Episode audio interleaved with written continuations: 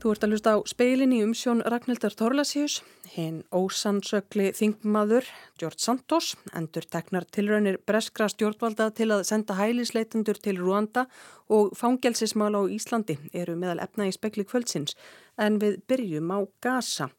Því horfur eru á að Palestínu flótamannans aðstóðu saminuð þjóðana geti hérðan í frá aðeins dreift einum lítra vatni til hvers flótamanns á Gaza. 80% íbúana eru á vergangi og fólk nærist aðalega á vatni og brauði. Þetta segir Greta Gunnarsdóttir, yfirmaður sendi skrifstofu Palestínu flótamanna aðstóðar saminuð þjóðana, UNRWA, í New York. Við erum langstæsta saminuð þjóðstofnunin á Gaza, við erum með 13.000 starfsmenn á svæðinu áður en þetta stríð bröst út að þá voru við með uh, hátt í 300.000 nefnundur í skólum á okkar vegum í Gaza og uh, við rákum 22 heilsugjæslustöðvar, við veittum félagsaðstóð, við vorum að gera við uh, húsnæði og byggja upp húsnæði sem hef, hefur skemst í fyrri átökum og við höfum verið með alltaf 1,2 miljónir palestínuflottamanna á Gaza á mataraðstóð frá stofnunni. Nú þessi aðstóð sem ég nefni, mentun og heilbriðistjónusta er mjög svipuð og ofinbjörð þjónusta sem er veikt af ríkjum almennt. En í tilviki palestínuflottamanna þá hefur okkur verið falið þetta hlutverk af saminuðu þjóðunum síðan 1949. Núna flokkast öll okkar starfsemi undir neyðaraðstóð og uh, skólanir okkar er orðnir að neyðarskílum þar sem um það byrj ein miljón manns hafa leitað öryggis frá stríðinu. Og í staðin fyrir að fara í skólan að þá eru okkar nefnundur á vergangi eins og flest allir aðrir gasabúar um 80% eru á vergangi. Og það sama á við um starfsmennin okkar. Og skólastjórar eins og til dæmis skólastjórin okkar í verkmyndaskólanum í, í Khan Yunis í staðin fyrir að vera að reka verkmyndaskóla er hún núna að reka neyðarskíli fyrir yfir 30.000 manns. Og allir skólanir okkar og, og annað húsnæði sem við höfum yfir að ráða sem hefur verið breytt í neyðarskíli eru öll yfir full. Og um, við getum hvorki eins og staðan er núna að þá getum við ekki veitt fólki það, fólki það öryggi sem að það á rétt á þegar það er í samlið þjóða byggingum 222 hafa verið drefnir meðan þeir eru í húsnæðu okkar vegum og 911 hafa særst og uh, töluvert magna byggingum, ég held að séum 30 byggingar hafa orðið fyrir bytni árás og 55 hafa orðið fyrir skemdum vegna árása í, í nánasta uh, umhverfi. Við rekum enn nýju uh, heilsugjastlustöðvar í söður Gaza. Uh, við erum líka með heilbriðist teimi sem að fer í neyðarskílin og, og reynir að veita grunn aðstóð. Við erum líka með teimi sem að veita sálfræði þjónustu, svona fyrstu hjálp þegar kemur að sálfræði þjónustu. En uh, stórluti Gaza búa áður en það sem hefur skollið yfir núna hefur þurft á slíkri aðstóð að halda og núna náttúrulega enn meir enn áður. Og við náttúrulega veitum neyðar aðstóð í þessum skílum. Við, við erum einna stærsti aðilinn þegar kemur að mataraðstóð og einnig uh, þegar kemur að því að dreifa eldsneiti uh, til annara stofnana og, og vassreinsi stöðva og, og skorpreinsi stöðva og sjúkrahúsa og þess aftar sem áþurfa að halda. En núna náttúrulega er það er svo lítið sem kemur inn Þannig að fólk þar sem það hefur til að býta og brenna frá degi til dags er aðalega bara brauð og uh, vatnið sem við getum veitt uh, til fólks er um það byrj tveir lítrar á mann og það er að fara niður í mjög líklega einn lítir eftir því sem ég kemst næst frá því í morgun. Þetta var Greta Gunnarsdóttir hjá UNRA.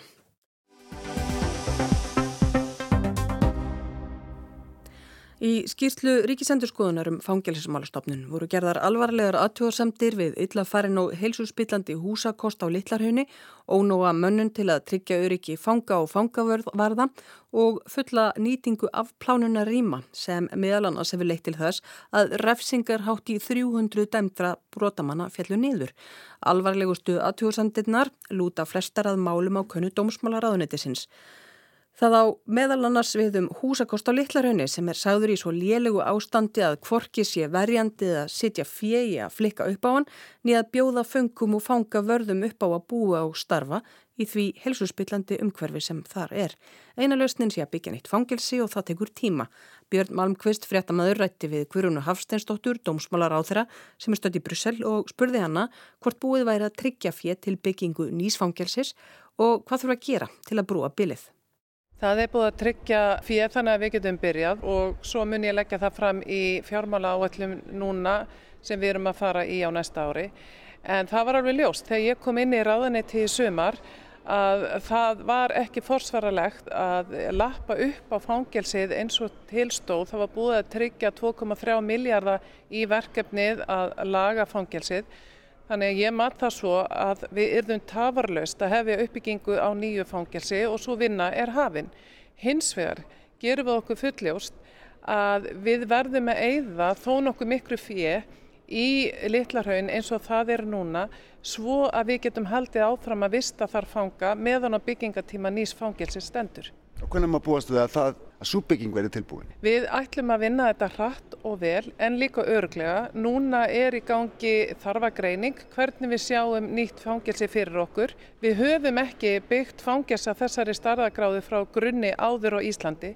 Við vonumst eftir því að þetta fangelsi muni geta rúmað um 100 fanga og þarna verður góð aðstæða sömuleiðist fyrir starfsfólk og alla stóðþjónustu sem að þar til í dag eins og til dæmis að geta veitt góða geðheilbriðstjónustu, mentun og svo framvegs. Sem er nákvæmlega það sem að skýslan bendir á eða ekki að það vantar nákvæmlega allar þessa þjónustu?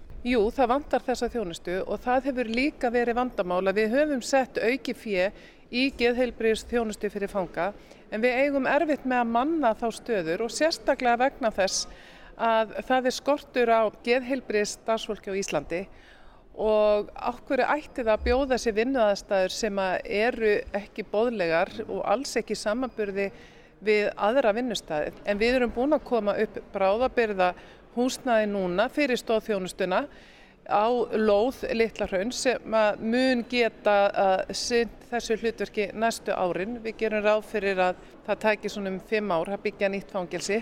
Í skýslunum kemur fram að stofnunin getur ekki bóðað menn í aðblóðunum vegna fjárskorts, kjensla, fangavarðar í skötulíki, ennbætti telur þarf á fleiri fangaverði og starfsfólki. Hvað er þetta ráða?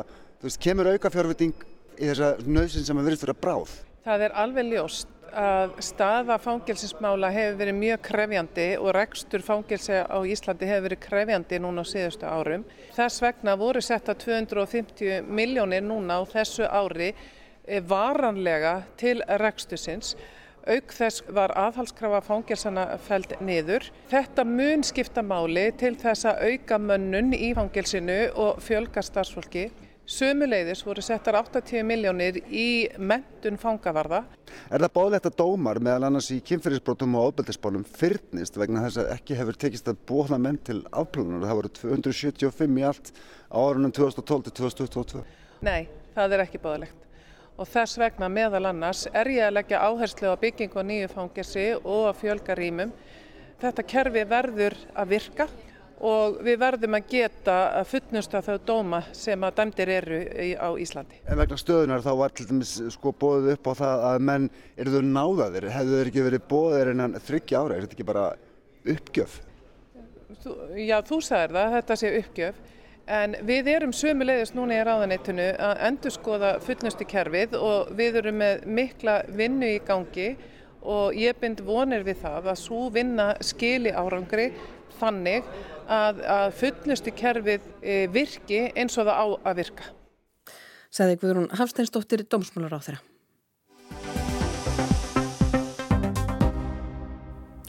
Brettar hafa ekki enn gefist upp á að losa sig við hælisleitendur með því að senda þá til Rúanda þrátt fyrir að hæstiréttur landsins hafi komist að þeirri niðurstuðu að lögum samkvæmt megi ekki senda þá þangað.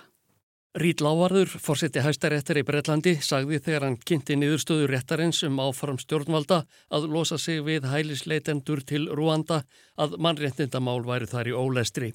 Ekki væri vita hvort þarlend stjórnvöldi sendu fólki úr landi og þar með út í óvissuna. Því mætti ekki senda hælisleitendur þangað samkvæmt einsum alþjóðalögum og sáttmálum sem breytarættu aðild að. The changes needed to eliminate the risk of reformant may be delivered in the future, but they have not been shown to be in place now. Breytingarnar sem þarf að gera til að koma í veg fyrir hættuna á að fólkið verði sendt úr landi kunnað verða gerðar í framtíðinni en þær eru ekki til staðar sem stendur, sagði dómsforsetin. Kæru innanrikis er á þeirra er því vísað frá.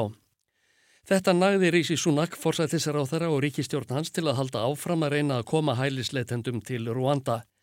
Samninga við ræður hófust þegar í stað við stjórnvöldi Kigali um betrumbætur til að undirði lögum samkvamt að senda fólki þangað. James Cleverly innan ríkisar á þeirra kynnti áformin á þingi í gær. Today, I can announce that we will go even further than those provisions already in place with a five-point plan to further curb immigration abuses and that will deliver the biggest ever reduction in net migration. Í dag get ég tilkynnt að við ætlum að bæta enn frekar við þær ráðstafanir sem þegar hafa verið gerðar með fimm punta áallun sem á að stemma enn frekar stegu við flóði ólaglegri innflytjanda til landsins, saði Cleverly. Hann held síðan til Kíkali í dag þar sem hann og Vincent Biruta, utanrækisráþara Rúanda, skrifuð undir nýja samkómulægið. Björnin er samt ekki unnin, leggja þar nýja samkómulægið fyrir þingið og óvist er að sögn breskra fréttamanna að meiri hluti sé fyrir því í lávarðadeildinni. Verkamannafloknum þykir píslarganga í heldsmanna í málinu hinn vandræðilegasta eftir því sem Ívat Cooper, talsmaður flokksins í innanríkismálum, sagði í dagi viðtali við Skye fréttastofuna.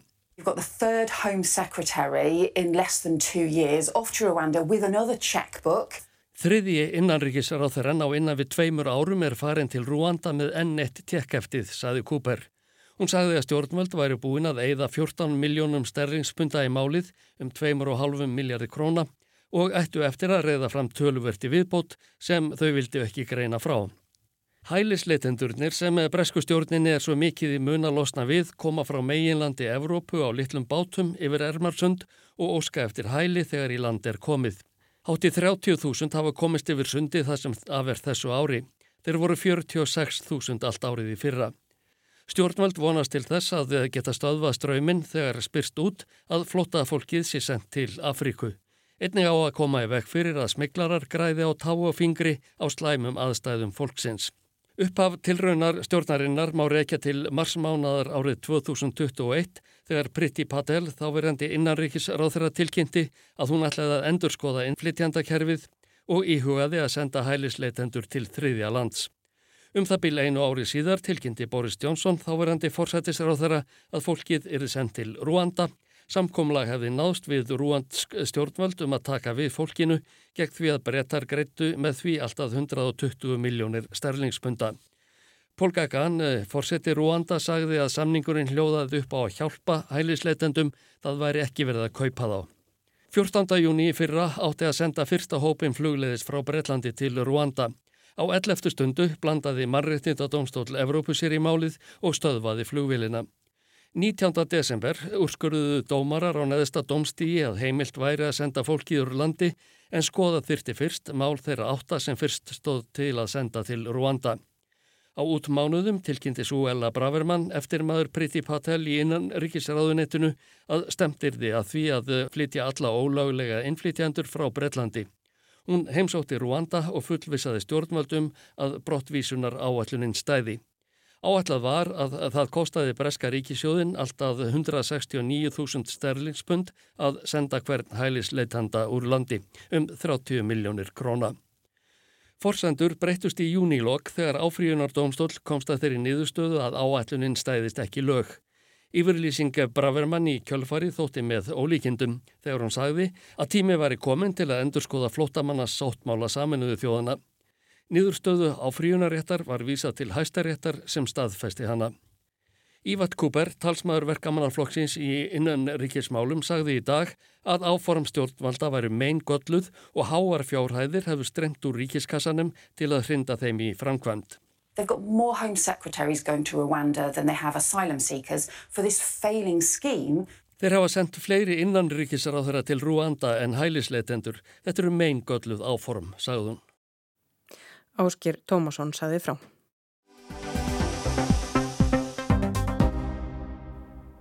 Á förstu dag var republikanin Bröðótti, George Santos, rekin af bandaríkjaþingi í skugga fjölda ásakana um lígar, fjármálamisferli og fleira. Hann gæti átt yfir höfði sér fangelsistóm. Mikil stýr hefur staðið Vestanhafs undanfarið um stjórnmálamann sem fættur er í Queens í New York og komið svo stormsveipur inn í bandarísk stjórnmál. Er það vegna ásakana um fjármálamisferli og fyrir að hafa sagt fjölda ósanenda. Hann hefur verið ákjörður á alrikis yfirvöldum og stjórnmálaferlinum er hugsanlega lokið.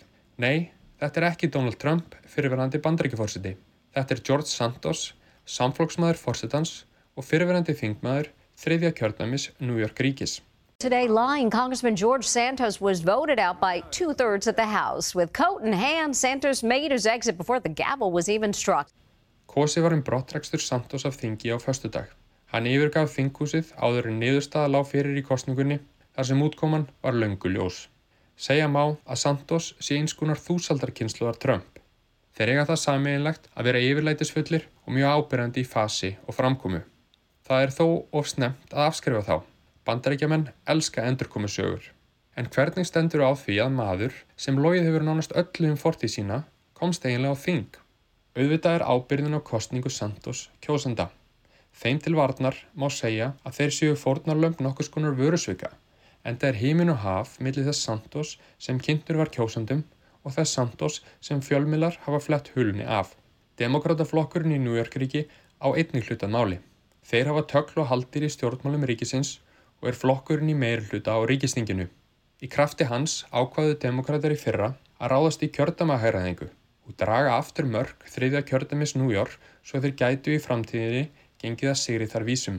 Áfrýjunar domstól sló að putta þeirra og breytti sjálfur mörgum kjördæmisins og var útkoman demokrautum ekki í hag.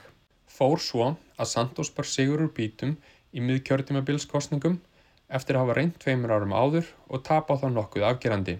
Santos hefur sagt svo oft ósatt um æfi sína að það hefur tekið bladamenn Vestanhafs nokkur tíma að komast næri sannleikanum um Santos ef hann má á annar borð finna. Það er hins vegar engin líi að kostning hans markaði þáttaskill. Santos er fyrsti ofinberlega hinsegin einstaklingurinn sem kosin er nýr á þing fyrir replikana. Fólk sem sigrast á erfileikum og kemst með harðfylgi til frama nýtur alla jafna mikillar verðingar. Með það í huga ákvað Santos að endurskrufa fortið sína og steg hann fram á sviði stjórnmóla með markasvæna æfisögu. Í þeirru útgáfu var hann metnaða fullur og harduglegur sonur efnalítilla innflytjunda sem braustur fátakt með því að komast til menta og ná í kjölfarið frama á Wall Street. Síðar kom í ljós að hvorki háskólinn nýja fyrirtækin á Wall Street kaunuðust við hann. Santos hafði aldrei setið á skólabekk í Baroque háskóla eða unnið hjá fjármálarísunum Citigroup og Goldman Sachs. Santos hefur ítrekka sagt að hann sé af gíðingættum. Í februar fór Santos í viðtal hjá breska sjómarsmannunum Piers Morgan sem spurði um ætterni þingmannsins. But you're not Jewish. I, I never claimed to be Jewish. I've always made I've always made a party favorite joke. You claim was... to be Jewish, half Jewish, a proud American Jew, a Latino Jew, and a non-observant Jew. They're all direct quotes from you. So but you're not. You're Piers, a Catholic. Like I've, me. I've Morgan rifjaði upp þau skipti þar sem Santos sæðist fyrir gýðingur en það sló hann ekki út af læginu. Þetta var allt sagt í gríni, sagði þingmaðurinn þáverandi, hvergi bankin. Santos var í raun alinu upp í katholskri trú. Á bladamannafundi á tröppum þingusis í Washington Degi fyrir brottreksturinn af þingi var Santos spurður hvað framtíð hans bæri í skauti sér. The future uh, is endless. I mean, you just never know. You can do whatever you want next, uh, and I'm just going to do whatever I want. Whatever comes my way, I have the desire to stay very much involved in uh, public policy and advocacy for specific issues. Framtíðin er endalus, svaraði Santos. Hann geti gert það sem honum síndist. Hann vildi áfram vera viðlóðandi stjórnmál og berjast fyrir þeim málumnum sem honum standi nærri. Framtíðin er þó ekki einungis í hans höndum, hugsanlega mun hann verja hluta hennar á bakvið lás og slá. Hvort Santos lendi í steininum fyrir meint afbrótt sín kemur í ljós á næsta ári. Þetta er Þorvarur Pálsson sem talar frá New York. Og fleirað er ekki í speiklunum á þessu sinni. Tæknimaður var Kári Guimundsson, hægt er að hlusta á speilinin í spilarum á rút.is og helstu hlaðvarpsveitum. Verðið sæl.